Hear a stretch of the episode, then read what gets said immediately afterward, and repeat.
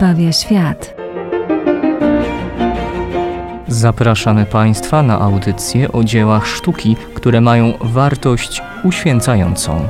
I artystach, którzy poprzez swoją twórczość ukazywali swoją więź z Bogiem. Audycja Piękno zbawia świat. Radio Jasna Góra. Zapraszamy.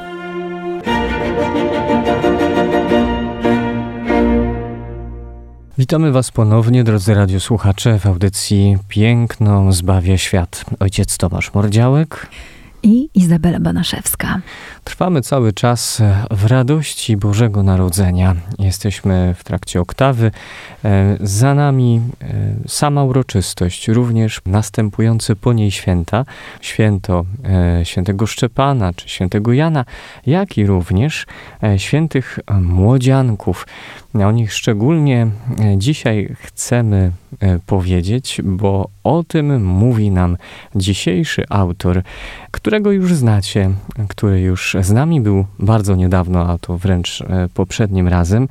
Peter Bruegel, e, flamandzki e, artysta, który daje nam dzisiaj obraz rzeź niewiniątek. Właśnie to są ci młodziankowie, których u Mateusza czytamy o nich pierwsi męczennicy. Tak też w tradycji Kościoła są określani, mówieni, którzy oddali życie za Chrystusa, którzy ponieśli śmierć z powodu tego, że narodził się Mesjasz, że przyszedł ten, który miał objąć władzę.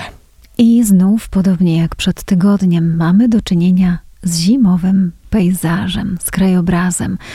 E, znów w tym obrazie, podobnie jak w poprzednim, mamy do czynienia ze sceną rodzajową jednocześnie ze sceną religijną oczywiście, bo o e, rzezi małoletnich męczenników słyszymy w Piśmie Świętym. Te słowa mam nadzieję ojciec zaraz nam przytoczy. I kolejny raz cała ta scena będzie również przyczynkiem do ukazania sytuacji społecznej, sytuacji politycznej, a także i religijnej, jaka panowała w XVI wieku w Niderlandach. Także znów obraz nieoczywisty. Ojcze, zanim przejdziemy do jego analizy, to tak jak e, mówiłam, odnieśmy się bezpośrednio do Pisma Świętego.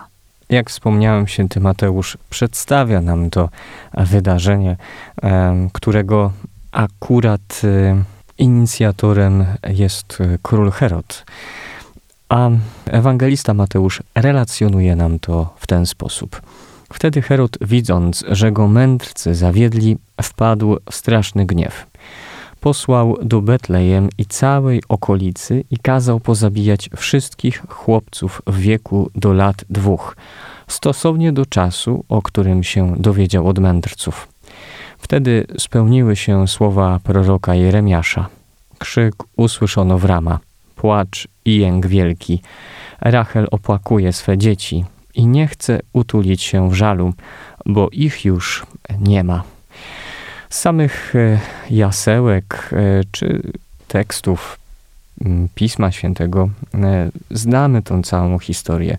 Wiemy, czym podszyte są intencje Heroda, który boi się stracić władzę, boi się, że tron, na którym siedzi, chociaż tak naprawdę tylko i wyłącznie jest pewnym pionkiem w całym cesarstwie rzymskim, ale jednak ta namiastka władzy jest w jego ręku, zostanie mu zabrana. Przez kogo? Przez małe dziecię. Króla, który miał się narodzić, o którym wspomnieli mu mędrcy, magowie, którzy przybywają ze wschodu, bo świeciła e, jego gwiazda, to od tej strony astrologii. Mędrcy dowiedzieli się, wiedzieli, że ma narodzić się król, Mesjasz. Dlaczego dzieciątka do dwóch lat? Droga magów, królów była spora. Pytanie też, kiedy o tym się zorientowali, więc to są orientacyjne rzeczy. Król Herod chciał być ewidentnie pewny, że ten, e, który miałby go zdetronizować, na pewno e, nie przeżyje, nie umknie jego chytrej ręki, e, ale też i pełnej strachu i lęku, bo czyż król, który dobrze rządzi, król, który jest y, w drodze sprawiedliwości, bałby się o swój tron, y, a jednocześnie, nawet jeśli miałby kto być lepszy po nim, to chyba bardziej byłby gotowy ustąpić ze swojego panowania, niż dalej kurczowo e, trzymać się, że się tak wyrażę, tego stołka, by cieszyć się benefitami e, tegoż stanowiska. A zatem z rozkazu Heroda zostają zamordowani chłopcy do dwóch lat. Dzieje się to wszystko w Betlejem. Oczywiście wiemy o tym, że Herod jest namiestnikiem Rzymu. Pamiętajmy, cesarstwa rzymskiego. Słowo cesarstwa będzie tutaj kluczowe, ponieważ znów przeniesie nas do e, czasów e, współczesnych naszemu malarzowi, kiedy to Niderlandy były pod panowaniem Habsburgów. No i cóż, mamy znów po raz kolejny zimowe miasteczko, niewielką mieścinę, które ma nam tutaj symbolizować Betlejem. Przypomina nam o tym gwiazda, dokładnie gospoda pod gwiazdą. I choć świętej rodziny już tutaj wtedy nie ma, pamiętamy o tym, że świętej rodzinie udaje się ujść, do Egiptu uciekają, aby e, Chrystusa ocalić, o czym dowiaduje się Józef we śnie, że ma natychmiast wyruszyć ze swoją żoną i z dziecięciem no to tutaj świadkiem tego, co miało miejsce nie tak dawno, czyli przyjście na świat Mesjasza, jest właśnie gospoda pod gwiazdą. My się domyślamy, że jest to gwiazda betlejemska i że chodzi tutaj dokładnie o miejscowość Betlejem. Jesteśmy świadkami rzeczywiście e, bardzo trudnego wydarzenia, e, które choć znamy, tak jak ojciec wspomniał, o którym słyszymy w jasełkach i czytając Pismo Święte, to stanowi tak ogromny kontrast dla sceny Bożego Narodzenia, dla klimatu Bożego Narodzenia, e, który jest nam bliski, że wydarzenie to stało się tematem wcale niepopularnym w malarstwie. Nie ma zbyt wielu przedstawień ukazujących, oczywiście są, ale skala w porównaniu do Bożego Narodzenia, scen Bożego Narodzenia, no jest piorunująco mała, tak? Y, tematów ukazujących rzeź niewiniątek właśnie kontrast tego ciepła, które niesie z sobą nowonarodzony Jezus wstający w Betlejem i tego makabrycznego wydarzenia, którym jest śmierć chłopców dokonana przez oprawców wysyłanych przez Heroda. A musimy tutaj na pewno też dodać w całej tej historii, oczywiście to nie dzieje się z woli Bożej, jednak Bóg wykorzystuje ten lękliwy ruch Heroda, by pokazać znaczenie swojego syna, Jezusa Chrystusa, bo mamy tutaj wprost odniesienie do Księgi Wyjścia, kiedy rodzi się Mojżesz, kiedy również faraon e, zabija dzieci hebrajskie, z racji tego, że lud e, żydowski zaczyna rosnąć w siłę, zaczyna się coraz bardziej e, pomnażać i on boi się o swój tron. Boi się, że powstanie bunt przeciwko niemu i dokonają się e, rozmaite walki i utarczki z narodem Hebrajczyków. Dlatego postanowił zabijać e, chłopców. Najpierw poprosił o to akuszerki, które jednak się na to nie zgodziły, gdzie później doszło do konkretnej rzezi i w tej całej katastrofie ratuje się Mojżesz, które wiemy jest tym wybrańcem Boga, tym, który odpowiada na Boże wezwanie, by wyprowadzić naród izraelski z Egiptu, z niewoli egipskiej do ziemi obiecanej. Więc mamy figurę starotestamentową tego, co wydarzy się w Nowym Testamencie. Tak, dokładnie. Dla nas to też jest bardzo ważne i ostatnie, kto się narodził i kim jest owe dziecię w tej świętej rodzinie.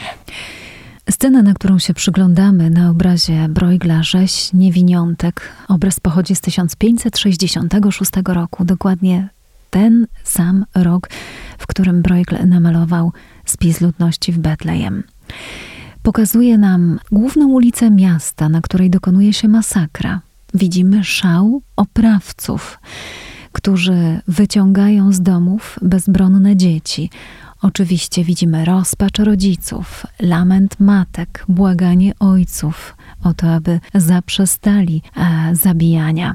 Jednocześnie miasto jest obstawione strażą, żołnierzami, Bruegel nam to bardzo wyraźnie pokazał. E, w, w skrajnych e, częściach obrazu na moście też widzimy pojedynczych żołnierzy konno, którzy w razie czego, gdyby ktoś uciekał, a widzimy tutaj taką scenę w oddali, kiedy mężczyzna e, pochylony nad swoim dzieckiem próbuje swojego syna uratować, gdzieś wynosi go z domu. Niestety obecność uzbrojonego żołnierza daje nam do zrozumienia, że z tej miejscowości nie da się wymknąć. Żołnierze, którzy tutaj zabijają niewinne dzieci, pokazani są w takim ogromnym szale. E, kilku z nich wdziera się także do gospody pod gwiazdą. No widzimy też ich obojętność. Oni stoją, zwłaszcza ci, którzy zgromadzeni są wokół dowódcy. Zaraz spróbujemy tutaj mm, nazwać z imienia i nazwiska tegoż e, dowódcę. Oni mają podniesione w górę lance, prawie że gotowe do ataku, gdyby ktoś sprzeciwiał się. To, co się rozgrywa przed naszymi oczami, e, rzeczywiście jest bardzo trudną historią. Kobiety e, albo załamują ręce, albo podnoszą je w górę, albo w, w dłoniach ukrywają swoją twarz płaczą, zwłoki dzieci leżą na śniegu. W tym wszystkim Bruegel, rzeczywiście jak to on, jest bardzo szczegółowy. Na pierwszym planie widzimy klęczącego mężczyznę, który błaga o litość. Jednocześnie na śniegu zostały namalowane odciski kopyt i butów. To wszystko ma nam dać do zrozumienia, że kłębowisko ludzi próbowało się oswobodzić, jednak no, zaskoczeni przez straż, przez wojsko, nie mają tutaj nic do powiedzenia. Jeżeli nie chcą utracić życia, mogą się biernie przyglądać śmierci swoich dzieci. Więc zobaczmy, jak bardzo mocno emocjonalnie nacechowany jest e, ten obraz, jak kieruje naszymi emocjami również tutaj artysta.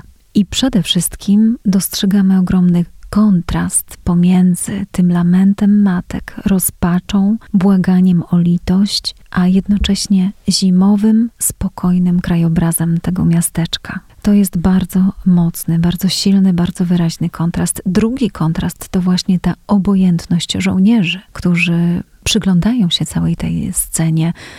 Scena jest niezwykle brutalna. Kilka rzeczy zwraca tutaj naszą uwagę. I oczywiście wymalowani tutaj zostali żołnierze, ale na ich czele jest mężczyzna, który swoimi rysami odpowiada Ferdynandowi Alvarez de Toledo, który jako wysłannik króla Filipa II miał zaprowadzić porządek w świeżo zreformowanych Niderlandach. No i tutaj musimy się cofnąć do roku 1517 do wystąpienia Lutra to jego wystąpienie zostało dosyć pozytywnie przyjęte w północnej części Niderlandów i zwłaszcza e, te wioski i te niewielkie miasteczka, które są pod panowaniem e, Cesarstwa Habsburgów, a więc Hiszpanów, tam siłą tak zwany Czarny Alba, ponieważ e, książę Ferdynand Alvarez de Toledo był księciem Alby, miał zaprowadzić siłą katolicyzm. A zatem nasz artysta w taki właśnie sposób, w tak drastyczny sposób porównał to, co działo się jemu współcześnie, z rzezią niewiniątek, do której doszło za czasów Chrystusa. I mamy tutaj cały czas motyw e, władzy, nam się przewija. Tak samo ty, ci, którzy się buntują, owo flamandzkie miasteczko, e, które w jakiś sposób na pewno jest e, przeciwne swojemu władcy, cesarzowi hiszpańskiemu, Filipowi II, jest po prostu pacyfikowane. Pacyfikowane od tej strony e, nadziei i przyszłości, jaką są po prostu dzieci. Spoglądając na całą tą tragedię i na działanie wojska, też widzimy, że są tutaj zaangażowane różnego rodzaju wojska. Myślę, że to też warto dodać, bo oczywiście są tu po pierwsze Hiszpanie. Hiszpanie to są akurat ci, nazwijmy, to jest konnica, czyli ci, którzy są ubrani w ciężką zbroję płytową, mm, z lancami. Wśród nich jest również e, wspomniany wcześniej e, Ferdynand Alvarez de Toledo, Zresztą też wiemy, że oni są z ramienia e, Filipa II, gdyż e, powiewa nam e, flaga, na której widnieje herb króla Jerozolimy, czyli mamy tam krzyż jerozolimski. Habsburgowie mieli ten tytuł króla Jerozolimy, dlatego też Filip II również go posiadał, więc przedziwnie nam się też to tu łączy w kwestii samej nawet całej historii biblijnej, tego też kim był Herod. Pięknie nam się tutaj e, to wszystko splata. Ale oprócz samych Hiszpanów mamy również tutaj najemników, a tymi najemnikami są ci w czerwonych kubrakach. Oni zazwyczaj też są konno, są to walońscy najemnicy, czyli z tamtych terenów, jeśli chodzi o Niderlandy. Natomiast patrząc na piechotę, czyli na tych, którzy wdzierają się do domów, e, którzy też siłą e, zabierają dzieci, to już są flamandzcy piechurzy. Ich stroje akurat przynależą oczywiście e, do, do tej kultury. Da się to rozpoznać, zresztą mądrzejsi ode mnie już to rozpracowali. Więc widzimy, że do tej pacyfikacji, do tego sprawowania porządku nie tylko wchodzi obce wojsko, ale również też ci, którzy, no pewnie by, byśmy określili po prostu zdrajców narodu, czy tych, którzy uważali, że jednak porządek króla hiszpańskiego jest e, o wiele lepszy, czy z nim bardziej się zgadzają, niż z tym, który miałby reprezentować akurat to, co się dzieje w tej flamandzkiej mieścinie. Oczywiście są to czasy bardzo trudne. Te najazdy Hiszpanów, przywracanie siłą katolicyzmu w wioskach niderlandzkich e, poprzedzone jest napadami na katolickie kościoły, niszczeniem obrazów, niszczeniem rzeźb. Są to rzeczywiście czasy trudne i politycznie, i religijnie. Zresztą należą do najczarniejszych czasów, jeśli chodzi o Kościół katolicki, ponieważ dla stłumienia tych protestów luteran Kościół sięga właśnie po hiszpańską inkwizycję. Co się wtedy dzieje? Masowe egzekucje heretyków. I właśnie jedną z takich masowych egzekucji maluje nam tutaj Bruegel. On się oczywiście posługuje biblijnym tematem rzezi niewiniątek, ale właśnie do rzezi niewinnych porównuje to, co w tamtych czasach dzieje się, to, że Niderlandy spływają krwią.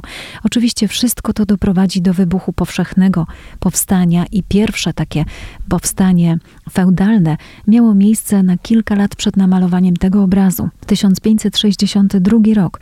E, przywódca e, buntu, książę Orani, pociąga za sobą głównie chłopów, którzy chcieli walczyć o niepodległość, ale przede wszystkim walczyć z tą niesprawiedliwością i okrucieństwem e, Hiszpanów.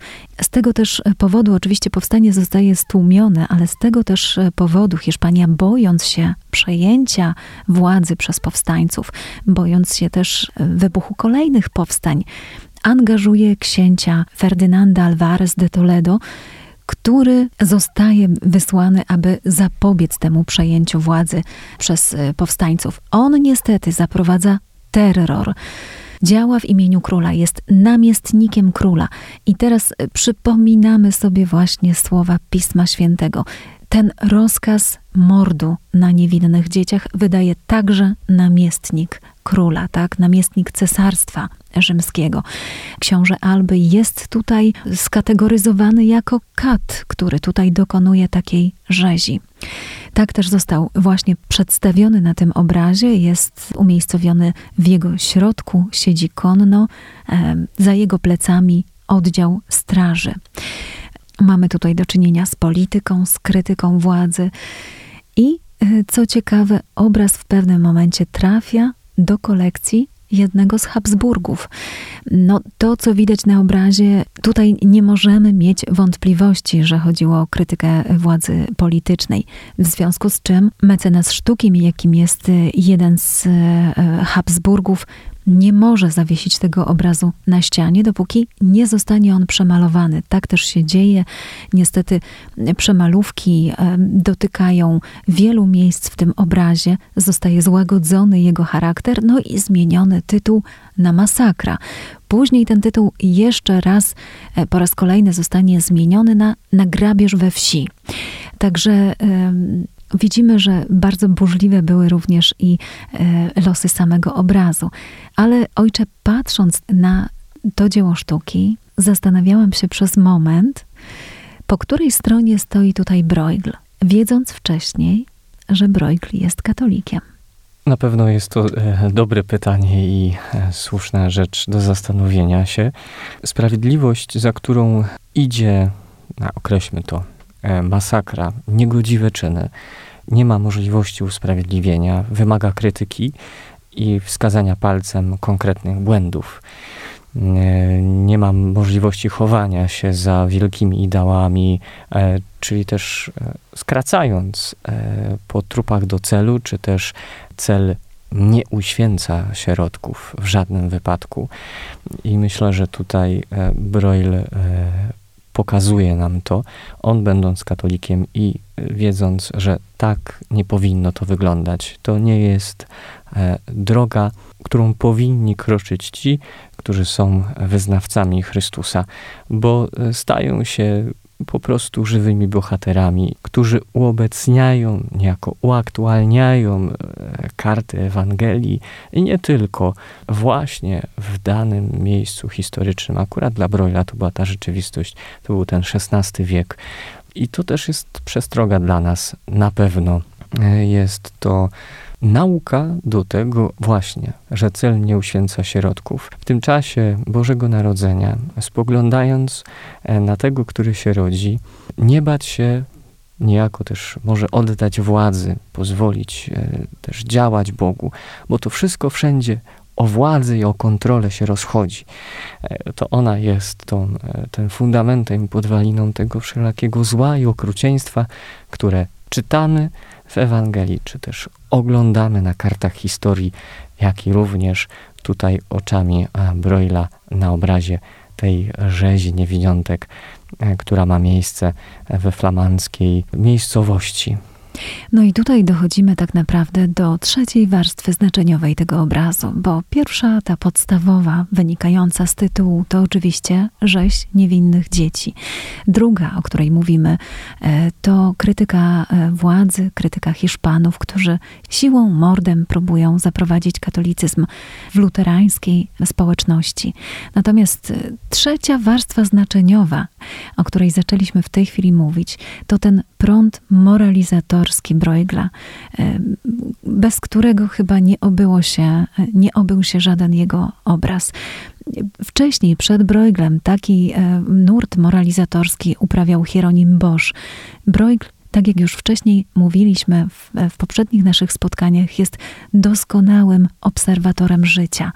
I on mówi tutaj wyraźnie, że nie godzi się e, takie postępowanie. To jest tutaj powiedziane bardzo mocno wprost. Dlatego też ten obraz musiał zostać przemalowany, aby zawisnąć na ścianie zamku Habsburga, ponieważ był wyrzutem sumienia. Swój oczywiście pogląd na tematykę religijną, na różnicę pomiędzy katolicyzmem a protestantyzmem, e, Bruegel namaluje w swoim słynnym obrazie Walka postu z karnawałem z 1559 roku. W każdym razie my za tydzień zapraszamy Państwa do jeszcze jednego zimowego pejzażu. To taki swoisty tryptyk, który nam tutaj wymalował na tę świąteczną część spotkań z audycją Piękno zbawia świat Bruegel, a będzie to pokłon Trzech Króli na śniegu. Dlatego też zapraszamy Was za tydzień i do usłyszenia. Do usłyszenia.